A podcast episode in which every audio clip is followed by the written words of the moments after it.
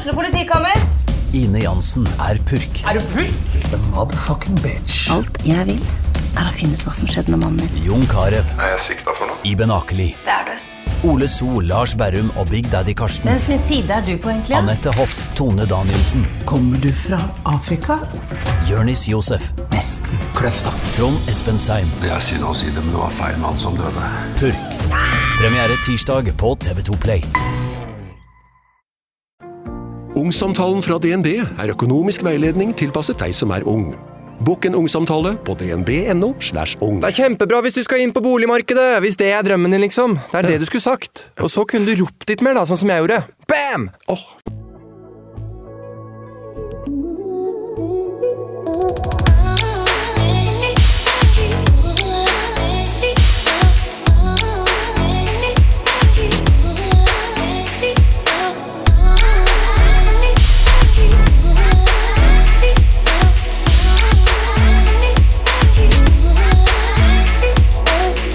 Velkommen tilbake til Sykt ærlig med Martine. Jeg håper at du har hatt en deilig sommer, og at du koser deg gløgg. Jeg håper du har hatt noen deilige uker, noen deilige dager, og at du har skapt deg noen deilige minner, og at du har det bra. Nå er jeg på vei til studio, for Sykt ærlig med Martine er tilbake. Og i dag så skal jeg møte en eh, tidligere fotballspiller som heter André Sødlund. Og det er litt rart å si at han er en tidligere fotballspiller, for han var nemlig ikke mer enn 25 år da han la opp. André han slet med depresjon i lang tid, og det kom til det punktet hvor han prøvde å ta sitt eget liv. Og det er nok mange som kan kjenne seg igjen i André og hans opplevelse gjennom fotballen og den kulturen som har utviklet seg i idretten. Jeg kan det selv, og jeg er veldig spent på dagens samtale. Både fordi at historien til André er så utrolig viktig, og jeg vet at den er sterk, og at det er helt nødvendig at vi prater om dette her. Og for meg så føles det til og med litt personlig, men det tror jeg kanskje at vi kommer tilbake til veldig snart.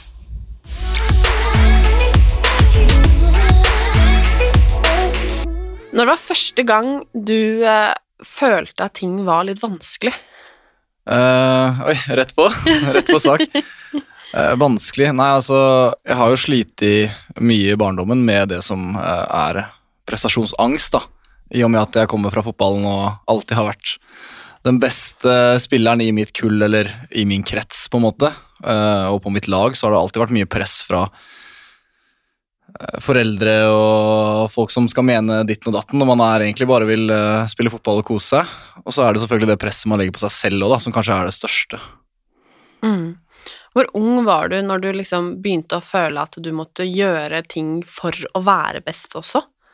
Jeg var vel i 10-11-årsalderen. Det er jo da man begynner med litt sånn, hva skal jeg si, kretslag og sonelag og de lagene man blir tatt ut til. da. Det er jo på en måte De tar jo ut spillere som er de beste i, i kretsen eller i fylket ditt. Uh, og da kjente jeg på at uh, hva skal jeg si, det lille ekstra presset var nesten på hver eneste kamp da jeg spilte. Uh, så det husker jeg var ganske slitsomt allerede fra ung alder. Slutta du da å synes at det var gøy, eller var det gøy, men mye press, liksom? Jeg syns jo det var gøy. Eh, Jeg tror ikke liksom det presset klarte å ta meg helt igjen før jeg blei litt eldre, men eh, det var alltid noe jeg på en måte hadde i bakhodet, og jeg husker at det, det var liksom folk på min alder som skrev Facebook-statuser om eh, hvor hva skal jeg si, eh, overvurdert man var, eller eh, nå har vi sett Andreas spille, og han var jo kjempedårlig, og sånne ting. Jeg husker at det var Facebook-statuser om det, og de tagga meg i de Facebook-statusene og sånn. Og da husker jeg at jeg ble veldig, ja, gikk veldig innpå meg, da, så det var sånn hadde veldig mye dårlig selvtillit i, i den ungdomsperioden, da, fram til jeg var sånn eh, 18-19-20 år. Gikk det da bare, i og med at du spilte fotball og, og satsa på det, eh, gikk det da bare på idretten, eller gikk det på andre ting som liksom kropp og utseende og hele den røra der, liksom? Nei, eh, det var mest bare fotballbiten. Mm. Det var ikke så mange som skrev heldigvis sånn André er kjempestygg, eller eh, har du sett sveisen hans, eller noe. Det var ikke, det var ikke der. Det var ikke noe jeg kjente veldig mye på. Det var mer bare den prestere, prestere og prestere. Mm. Når var det det bikka? Det bikka, oi, sånn skikkelig. Hva skal jeg si, det er jo vanskelig å sette fingeren på akkurat når det bikka. Altså, jeg gikk jo gjennom mye depresjon seinere i livet, uh, men det var liksom alltid noe man må bare leve med, det presset. Uh, så man klarte på en måte å bare skru det akkurat nok av. da, det sånn, For det er jo en del av hverdagen hele tida. Det har vært en del av hverdagen min siden jeg var ti år. Fram til jeg la opp i fjor. da. Uh, så akkurat når det bikka, er litt vanskelig å si. Mm. Du har jo blitt sett på som veldig god, og vært veldig god. Um, hva gjorde du for å klare å liksom dukke unna det presset som var også, eller klarte du ikke det? Jeg tenker på liksom jeg vet jo hvordan det er med toppidretten, og som du sier, altså én ting er disse Facebook-statusene, en annen ting er jo liksom Man blir vurdert, ikke sant. Spiller du ikke bra nok, nei, men da havner du på benken, ikke sant. Alt er jo et evig jag hele tiden. Um, og jeg har ikke noe problem med å forstå at det former en ekstremt. Um, ja, hvordan liksom påvirka det deg i hvordan du presterte og leverte? Nei, altså Det er jo akkurat som du forklarer der. Det er jo det evige jaget. Og så er det sånn Har jeg alltid lurt på hvorfor folk skal dømme meg ut ifra hvordan jeg presterer på en fotballbane, istedenfor å dømme meg om hvem jeg er som person. da. Og det er noe jeg ikke på en måte skjønte helt når jeg var yngre, men som jeg skjønte veldig mye på slutten nå. Og det var en stor grunn til at jeg hadde lyst til å, til å legge opp. Um, fordi at det, det, er jo egentlig ikke noe viktig, det toppidrettsgreiene. Det er jo egentlig ikke det. Det er jo, hva er det vi pleier å si, det er det viktigste av det mest uviktige i hele verden. Uh, så akkurat den der kynismen kjente jeg veldig mye på på slutten, da. og det er noe som alltid på en måte har tynga meg veldig, men som jeg aldri har klart å sett, tror jeg. Men jo mm. mer moden jeg har blitt, jo mer forsto jeg at uh, jeg vil ikke bli dømt ut ifra hvor mange bra pasninger jeg klarer å slå. Jeg vil bli dømt ut fra hvordan jeg behandler de jeg er glad i, eller uh, de som er rundt meg, eller folk jeg møter. Og det er noe som, uh, som jeg er veldig glad for at jeg har nå, da. Har dette noen gang blitt snakka om i Altså på lagene du har vært i, altså de stedene eller miljøene du på en måte har vanka i, da? Dette her med det presset som gjerne blir lagt på unge mennesker som Uansett hva man driver med, det trenger jo ikke være fotball, liksom, om det er karakterpress på skolen eller idrett eller hva det måtte være, liksom. Har det noen gang liksom blitt Altså satt fokus på, føler du? Nei, det føler jeg egentlig bare noe som man må gjennom. Det er jo ikke egentlig det, da. Altså, vi må jo ha mye mer fokus på det, men realiteten er at det er jo ikke det. Uh, og det er som du sier, det kan man jo relatere til i mye, som er hverdagslige ting, som du sier med karakterer og kroppspress og utseendepress og alt det der, men uh, i alle klubbene jeg har vært i, og det er noe jeg gjerne skulle forandra på, og gjerne kanskje kan kjempe litt for å forandre på, er at det, det første du burde vite når du signerer for en ny klubb, da, det er hvem kan jeg prate med hvis jeg ikke har det så bra, istedenfor sånn som jeg føler det er i mye klubber og toppidrett, er at uh, hvis ikke han presserer, hvorfor skal jeg prøve å fikse han? Vi kan jo bare hente inn en ny. Mm. Og det er det, det jeg stusslig på, det er den derre Den menneskelige biten blir på en måte litt borte, da. Veldig borte, fordi at det, fordi klubber ofte vil ikke budsjettere med f.eks. en psykolog, da. Fordi at det er så dyrt, ikke sant. Da kan vi heller hente inn en ny. Men sannheten er jo at hvis du klarer å få hodet til en spiller på rett kjøl, så kanskje du får en eh, kjempegod spiller, da. Det er jeg helt enig i. Mm, og det er uh, har du jo helt rett i. Og det er jo Jeg kan nesten kjenne at jeg blir forbanna uh, for at det er sånn det er. Og som du sier, det der at uh, man henter jo en spiller, gjerne, ikke sant, og så er det ingen garanti for at det klaffer, eller at noen har det bra på hjemmebane, eller at man har det bra med seg selv. Altså sånn Ting skjer jo, man er jo bare et menneske. Mm. Og hvor lett da den der rådriften som er, at det lett er å bare sånn Ok, han funker ikke, og Um, det er jo en enorm ansvarsfraskrivelse, og det er jo arbeidsgivere man har med å gjøre her. De er bare fratatt alt menneskelig ansvar, føles det jo av og til ut som. Ja, ja, det er akkurat sånn at du oppsummerer det så bra igjen. Det er, det er veldig rart at det skal være sånn her, og det er den menneskelige biten å bare spørre bare sånn Hvordan går det med deg? Hvordan, fordi ofte kan man jo se på uh, gjennom min historie, da. Hvis ikke jeg har prestert bra, så er det jo en grunn til at jeg ikke, at jeg ikke har gjort det. Det er jo fordi at jeg ikke har hatt det noe bra. Mm men det er ingen som på en måte tar ansvar og er sånn André, hvordan har du det egentlig? Setter seg ned, det er snakk om bare fem minutter å prate, fordi ofte når du er ung, i hvert fall, så bygger du opp en fasade fordi at du skal være så tøff og sterk. I hvert fall vi, ofte vi gutta da, i den topprettsbransjen skal jo være sånn øh, maskuline og vi har, ikke, vi har det alltid bra og sånne ting. Men det å bare sette seg ned og prate med en ung gutt da, og bare spørre hvordan har du det egentlig, det er jo det vi på en måte vil. Fordi at øh, da er det så mye lettere å si noe.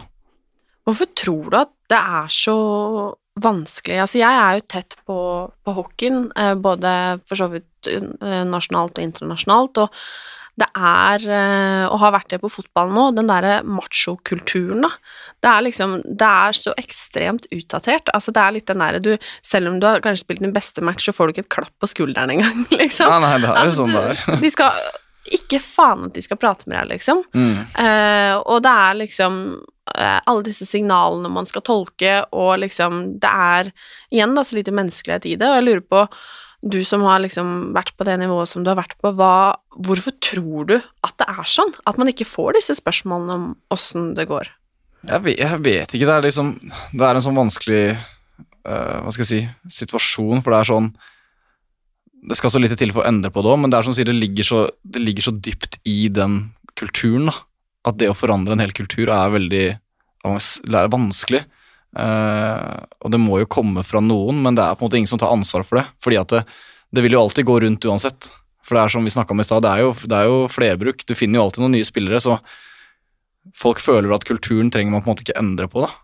Og det er jo veldig synd at det er sånn, fordi til slutt så er vi jo bare mennesker oppi alt det her, og vi alle kjemper jo hver vår krig, Mm. eller hver vår kamp, da, på en måte. og det er så mange som sliter, og det har jeg merka etter jeg la opp på, og den responsen jeg fikk, og de meldingene jeg fikk fra, fra ukjente, da, som var sånn 'tusen takk for at du deler', og eh, 'herregud, du hjelper meg så mye at du er så åpen', og sånne ting.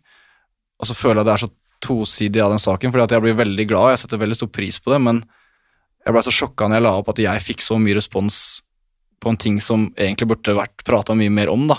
At det er såpass tabu med det, med depresjon og det med angst, at folk tør ikke å prate om det. Og det syns jeg er så synd, da. At det skal være sånn. Mm. Hvor gammel var du når du gikk til Odd? Jeg var 21.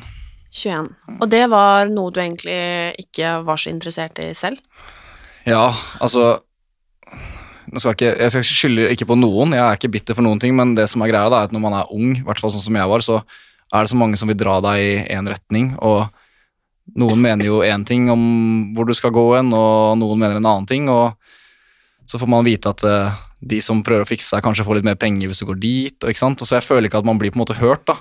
Og så er man ikke sterk nok i seg selv til å stå imot eh, voksne mennesker som sier til deg hva du skal gjøre. Eh, så det syns jeg var en veldig vanskelig prosess oppi alt det der.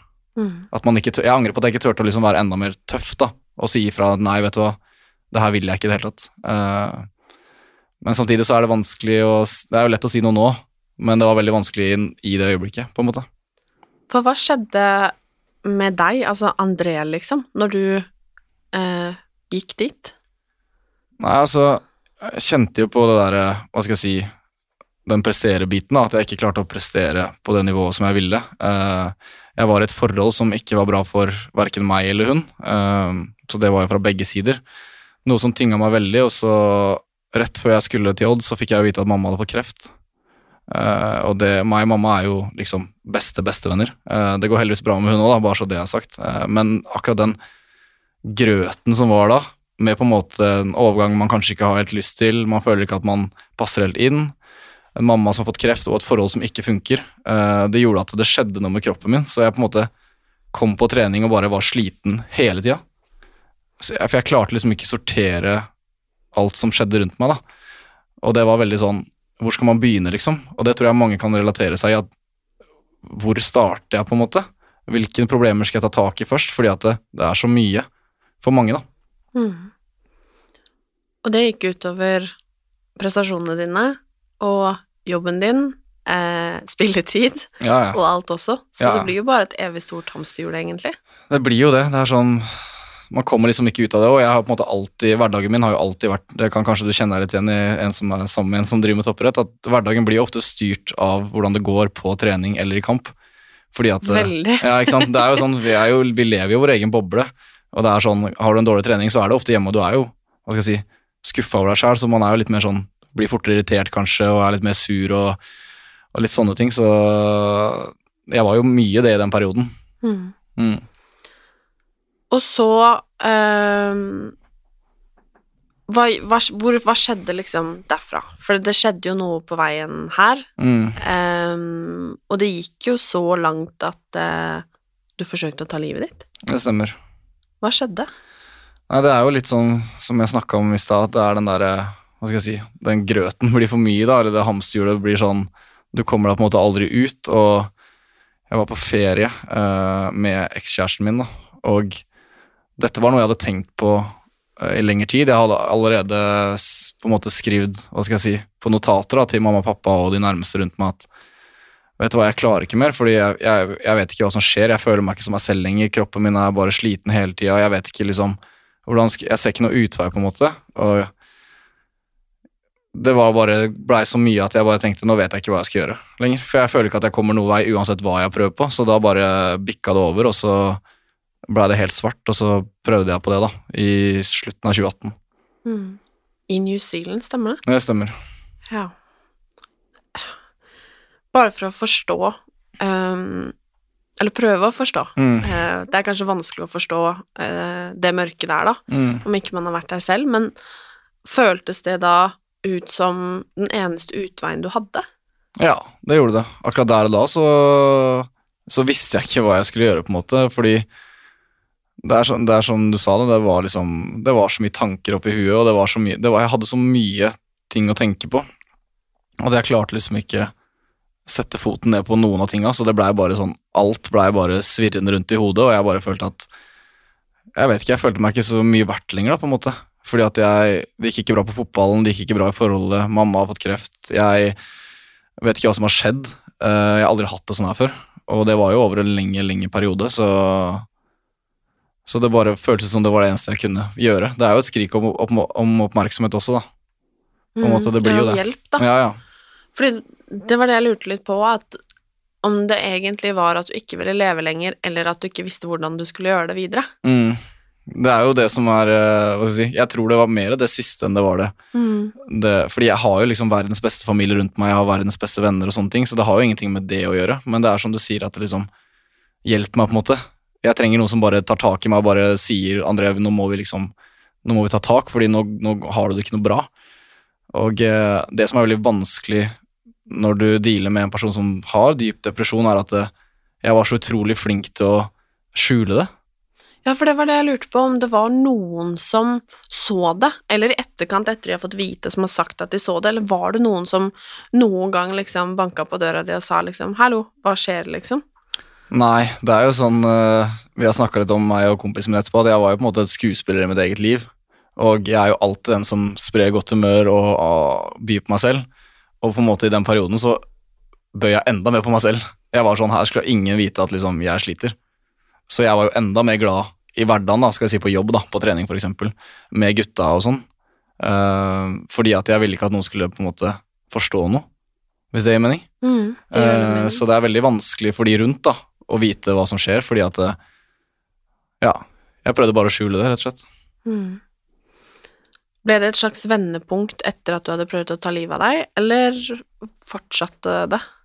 Nei, det blei jo på en måte et lite vendepunkt. Altså, jeg sleit veldig mye hele 2019 òg, og egentlig 2020 òg, men det var litt mer andre ting, da. Men etter at jeg prøvde det, og jeg snakka med kompisene mine, for det var de jeg sa til uh, når jeg var på treningsleir, ehm, så skjønte jeg at oi, shit, det her er skikkelig Det her er ikke bra, liksom. Fordi måten de reagerte på, var sånn Da gikk det litt opp for meg at Oi, det her er ikke bra i det hele tatt. Fordi at det, når jeg var i eh, hva skal jeg si, hele greia sjæl, så skjønte jeg kanskje ikke helt hvor ille det var.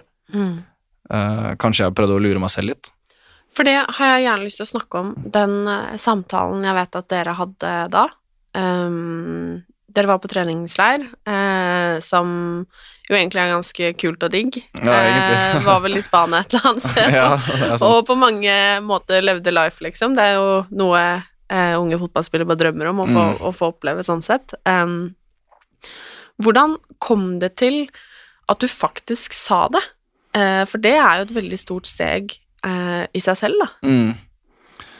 Nei, altså, det var jo noe jeg tenkte på en stund, og så hadde jeg tenkt på det på treningsleiren, fordi at eh, jeg tror alle skjønte at det var noe, fordi da på en måte klarte jeg ikke skjule det ordentlig, og man kunne skikkelig se det på hvordan jeg var på banen, fordi at jeg var helt Det var ikke som jeg var til stede, på en måte. Og da bestemte jeg meg for at ok, nå må jeg må bare snakke med noen, fordi at jeg har ikke snakka med noen om det, bortsett fra uh, hun ekskjæresten min, da, men jeg trenger liksom at noen andre skal vite det.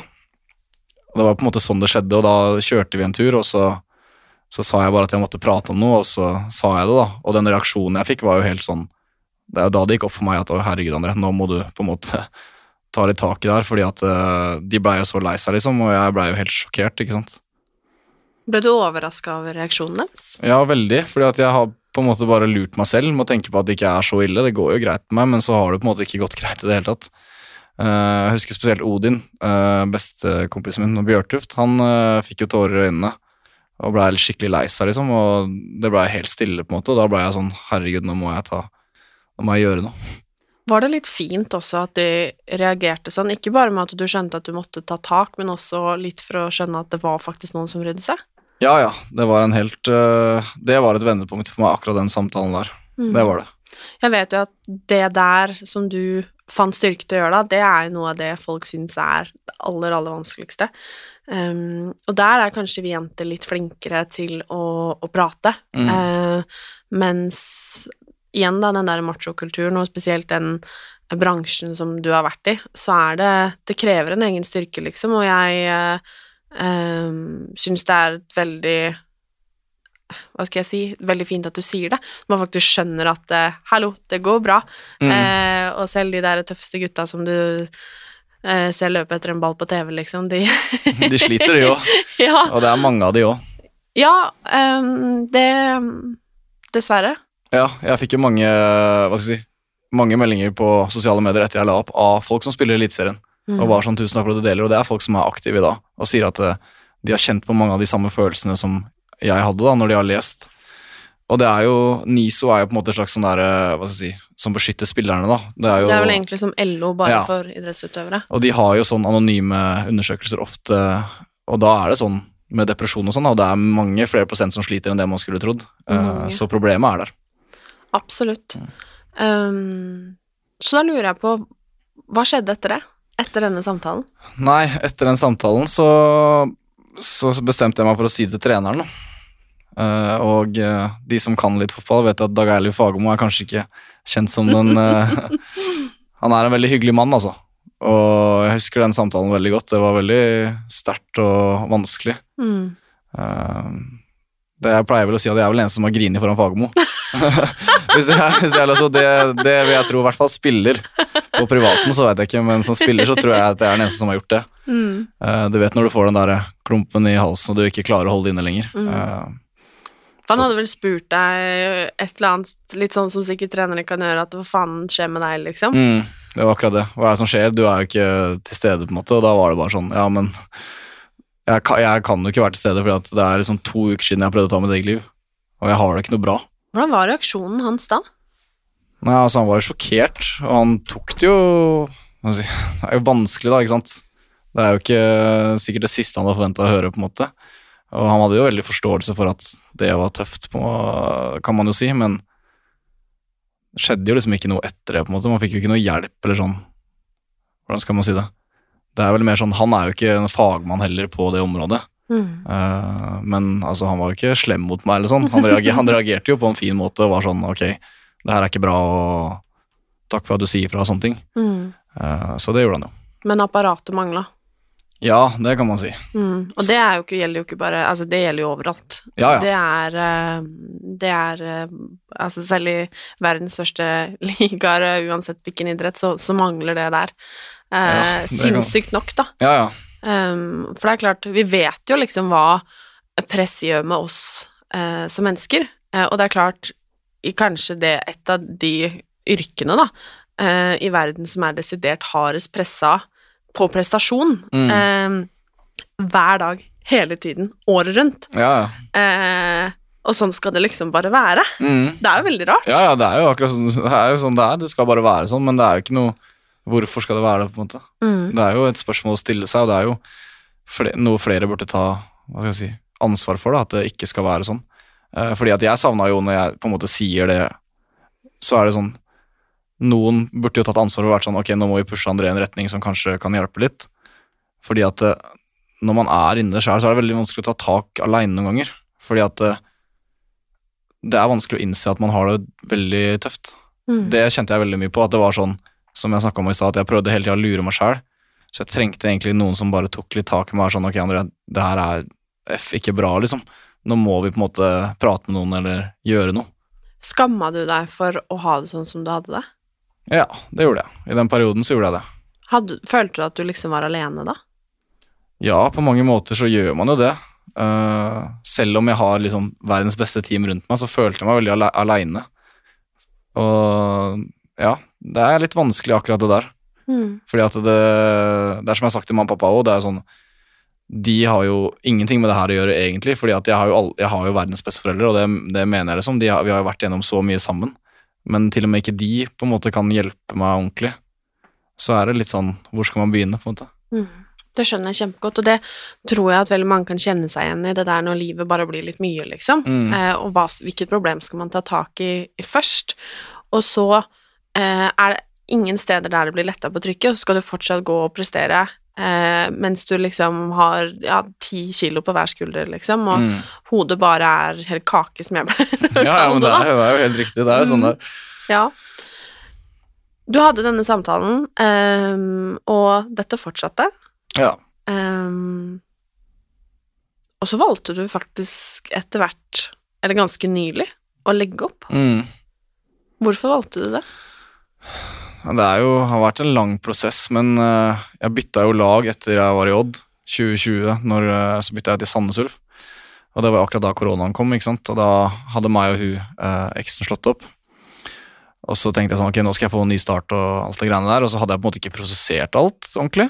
Og så levde jeg jo ett år der ganske ensom, og jeg var jo avhengig av sovepiller før kamper, for eksempel, for for å få sove ordentlig. Så jeg hadde jo en livsstil som ikke matcha toppidretten. Og da husker jeg mamma tok tak i meg fordi, og var sånn André, nå må du hjem. Uh, fordi at uh, du kan ikke ha det sånn. Uh, så da brøt jeg kontakten, kontrakten med Sandnes så sa jeg at jeg gir det ett forsøk til. Sandefjord er på en måte det eneste stedet jeg trives ordentlig. Um, hvis jeg får kontrakt der, så prøver jeg et siste forsøk. Og det var jo det som skjedde òg. Spilte jeg der i litt over et år, og så kjente jeg på at eh, vet du hva, jeg syns ikke det er noe gøy lenger. Uh, ref alle de, det vi snakka om i stad med den der modenheten å tenke liksom Jeg er et menneske, og jeg syns det er mye viktigere enn å være fotballspiller. Mm. Uh, så da fikk jeg lov til å ta litt fri, faktisk, fra fotballen av Hans Erik Ødegaard. Veldig takknemlig for det. Og bare tenke sånn Hva er det egentlig jeg vil? Hvem er jeg? Uh, fordi at jeg har jo alltid vært kjent som fotball-André, ikke sant? Ikke vanlig André. Og den perioden er den beste jeg har hatt i hele mitt liv. Var bare med familie og ikke noe si, press i hverdagen. Og da kjente jeg at nå er det riktig å, å ta det valget her. Akkurat det du sier der, det har jeg snakka med mange av de rundt oss som også driver med toppidrett. Um, og man kommer jo til en fase, eh, for du er jo veldig ung til å legge opp. Ja. Altså, sånn, det er jo ikke da karrieren din på mange måter hadde trengt det ende, ikke sant? Mm. Um, men akkurat det du sier der, det veit jeg eh, veldig, veldig mange føler på. Eh, og det å i det hele tatt tørre å slutte når det er fornuftig, eh, det tror jeg at de færreste gjør. For jeg tror at veldig, veldig mange tenker den tanken at vet du hva, jeg liksom eh, Nå holder det egentlig, eller nå er det nok, eller nå har jeg lyst til å gjøre noe annet. Men så tror jeg, litt som du sier, eh, du var liksom fotball-André, da. Ja, ja. Eh, hvem er du uten? Mm. Og det tror jeg veldig mange føler. Hvem er egentlig jeg uten idretten? Det er liksom han jeg alltid har vært, eller hun jeg Alle kjenner meg igjen som, på en måte. Um, så det at du gjorde det, det står det faktisk stor respekt av, fordi det tror jeg Rart å si at, at liksom mange flere burde gjøre sant? Ja, ja. men, men jeg tror at veldig mange hadde hatt det bedre om de lytta til hjertet, da, i stedet for forventningene og det presset som, som du også har stått under, da. Mm, ja, det er jo sånn det er jo, Jeg blei ble jo nesten litt sånn identitetskrise, fordi at eh, jeg var veldig redd for hvordan folk skulle opp, eller hva skal jeg si, behandle meg etter jeg la opp, eller hvis jeg la opp. Det var derfor jeg var veldig, veldig redd for det i mange år, for det var jo noe jeg har tenkt på siden 2019, at nå kanskje ikke jeg vil mer, på en måte. Mm. Men så er det alltid den lille gutten i meg som har vært sånn, men litt til, litt til, fordi at jeg har jo via hele livet mitt der, ikke sant, og eh, alle, når de møter meg, har jo spurt meg, hvordan går fotballen? Hvordan går det med fotballen, ikke sant? Så det var sånn, hvordan blir det uten det, på en måte? Men så har jeg funnet ut at jeg har kvaliteter som menneske som er veldig eh, bra, da. Og det er mange som setter pris på den jeg er, bare André. Eh, og det hjalp veldig, da, så det var veldig deilig når jeg slapp den fotball-André, på en måte, at den er litt borte. Hvordan reagerte folk når du sa at du skulle gi deg?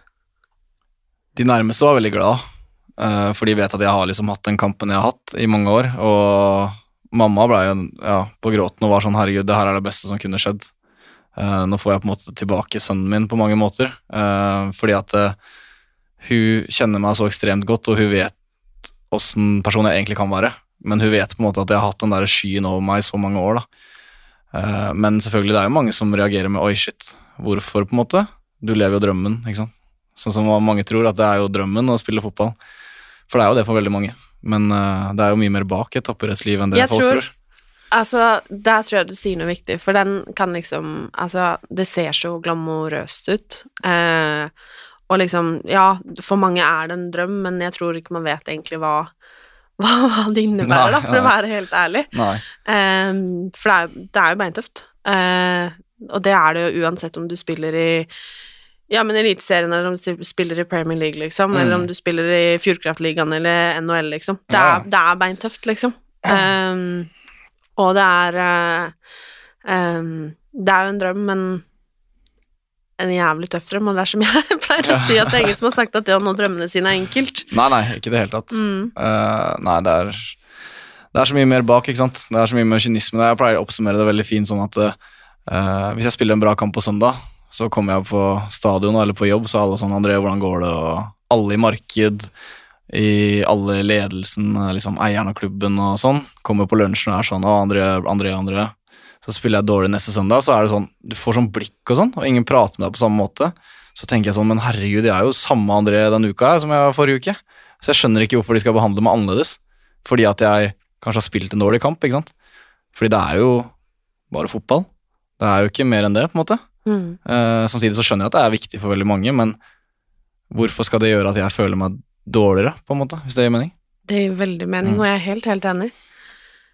Og da lurer jeg litt på, når du, når du slutta, um, hvordan var det å våkne opp den første dagen etter du på en måte hadde oppriktig brutt kontrakten? Du var liksom bare sånn Ok, nå er jeg ferdig. Nei, det var veldig deilig. Det var sånn, Jeg gru, grugleda meg litt til den dagen, egentlig. Fordi at vi ble enige om å publisere en sak. Fordi jeg var sånn Det var en prosess med familie og venner. Det var sånn, Skal jeg være ærlig om alt, eller skal jeg bare legge opp og bare på en måte fade litt vekk fra fotballen? Så var jeg sånn Men herregud, hvis jeg har det sånn, hvor mange har det ikke sånn da? på en måte? Uh, så da, da bestemte jeg for at vi går ut med en liten sak. Uh, og når jeg våkna opp dagen etterpå, så leste jeg saken og var sånn Herregud, nå, er det, liksom- nå har det skjedd, på en måte. Og så følte jeg meg bare så lett, og jeg bare Jeg var så glad. Og eh, skuldrene mine bare sank seg med en gang, og det var liksom kanskje en av de beste følelsene jeg har hatt noensinne, tror jeg. Mm. Så da kjente jeg at eh, det her er i hvert fall det rette valget. Du nevnte det jo litt med disse tilbakemeldingene som har vært, eh, men jeg vil gjerne snakke litt mer om den responsen. Altså, hvordan har responsen vært fra folk?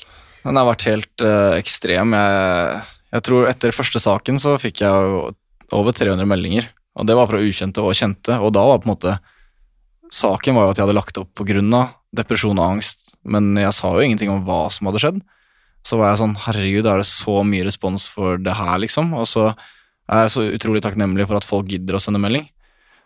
Men som vi snakka om i stad, samtidig så er jeg sånn, shit, skal jeg få så mye oppmerksomhet for noe som så mange sliter med?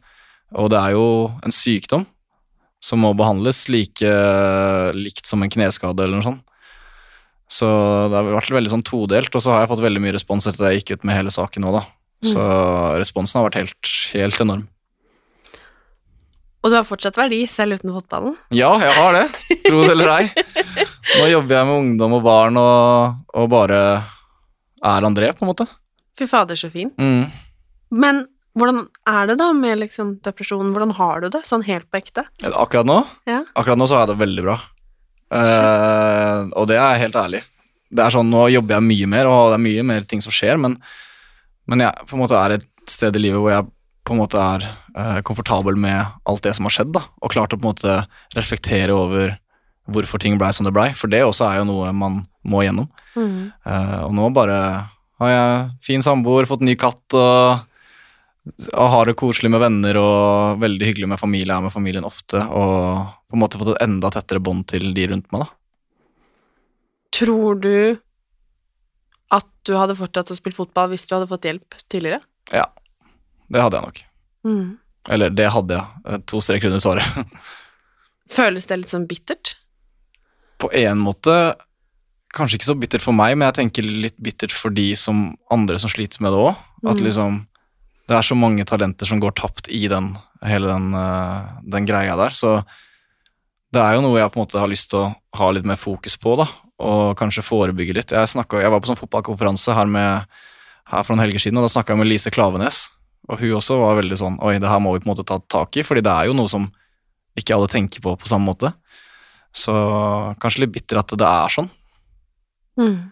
Det er jævlig bittert at det er sånn, Ja, det er jo det. rett og slett. Mm. Og det er klart at eh, hvis ikke vi Vi er veldig opptatt av talentene våre eh, og utøverne våre, men det er klart hvis vi ikke klarer å ta vare på de eh, Det hjelper ikke at vi liksom sørger for at de trener nok eller sover nok eller spiser nok, hvis ikke vi sørger for at de har det bra nok. Ikke sant? Um, og det er litt sånn, hvis jeg skal være helt ærlig, da, så kjenner jeg litt sånn derre For faen, da. Når, når skal vi begynne med det, liksom? Må vi, altså, hvor jævlig vanskelig kan det være å ta litt vare på folk? Det er eh, Hvis vi liksom skal miste de utøverne vi har, da, eh, eller vi skal ikke ha utøvere som ikke har det bra som mennesker fordi at de driver med det de driver med Altså, det er en jobb på lik linje som alt annet, eh, og det må vi faktisk ta på alvor. Ferdig snakka. Ja, ja. Det er jo ja. Det er noen som må ta tak Det er liksom, det må begynne et sted, og det er jo Jeg føler at det burde begynne med at man i hvert fall veit at man har et tilbud, at man kan prate, og at det, det skal ikke ha noe å si om uh, den beste spilleren kommer inn og sier sånn, vet du hva, jeg sliter litt i treneren. Så er det ikke sånn at han automatisk skal være på benken da, for eksempel. For jeg tror det er det veldig mange er redde for. At Ja. da liksom viser man svakhet. Altså, det vet jo jeg selv med, med han jeg bor med, at det er sånn hvis du har litt grann vondt i en skulder, liksom, eller, eller til og med har feber, liksom, så går du egentlig ikke og sier fra engang, fordi at eh, du, du må spille, for hvis ikke så kommer noen andre og tar plassen din. Ja. Altså, det er jævlig brutalt, liksom. Og Det det er klart, det. hvis du ikke kan si fra at du har litt vondt i en skulder, så går du i hvert fall ikke og sier fra at du har litt vondt i topplokket, da, for Nei, nei, eksempel. nei, nei. Og så er det så rart, fordi at det, jeg føler at det, det er jo egentlig motsatt. At hvis man tør å si fra, det er jo da man viser styrke. Og jeg føler at så mange egentlig veit det, Mm. men så, så klarer vi liksom ikke snu helt om, i hvert fall i den kulturen, da. Fordi jeg føler at det har blitt litt bedre, at folk er jo Mange er jo flinke til å være åpne om, om disse tingene, da. Og det er jo sånn Det er ikke sånn at når jeg la opp nå av det, så var det ikke noen som sendte meg melding 'herregud, du er svak', på en måte. Eller sånn 'for en taper du er', eller hva skal jeg si. Folk sier jo det motsatte, at 'å, så sterk du er som deler', og sånne ting. Så det burde jo være at man kan gjøre det i en toppidrettsverden nå. Mm. Jeg er helt enig. Mm. Hvis det sitter noen og hører på, André, som føler veldig mye på dette presset, uansett hva det måtte gjelde, eh, igjen da, om det er skole, jobb, studier, eh, idrett, spiller ingen rolle, har du noen tips til hva de kan gjøre for å få det bedre? Ja, det er vanskelig spørsmål. Eh, prøve å kanskje ta et pust i bakken, og, og kanskje ta et oppgjør med seg selv og være sånn Ok, på hvilke hva skal jeg si, fronter sliter jeg nå, på en måte? Er det noe jeg kan ta tak i selv? Er det noe jeg kan prate med? Uh, rett og slett bare ta seg et pust i bakken og prøve å reflektere litt, istedenfor å bare gå i det, det hamsterhjulet da, hele tida. Uh, og uten helt å vite hva man skal gjøre, på en måte. At bare, det bare går i ett hele tiden. Det er vel kanskje det beste rådet. å Bruk de du har rundt deg, fordi folk bryr seg om deg. uh, Så mye mer enn det man tror. Og at, sånn som vi snakka om i stad, man er ikke svak hvis man, hvis man prater om at man, at man har det litt vondt. da. At man heller er sterk, og det er en styrke, eh, ikke en svakhet. Helt enig. Mm. Tusen, tusen takk for at du hadde lyst til å komme og prate med meg. Jo, takk for at jeg fikk lov til å være med. Det var veldig, veldig hyggelig. Veldig, veldig fint. Og så kan vi vel avslutte med å minne alle som lytter på at verden er et bedre sted fordi du er her. Det er veldig, det syns jeg vi kan avslutte med. Det er godt oppsummert. Enig. Tusen takk, André. Takk.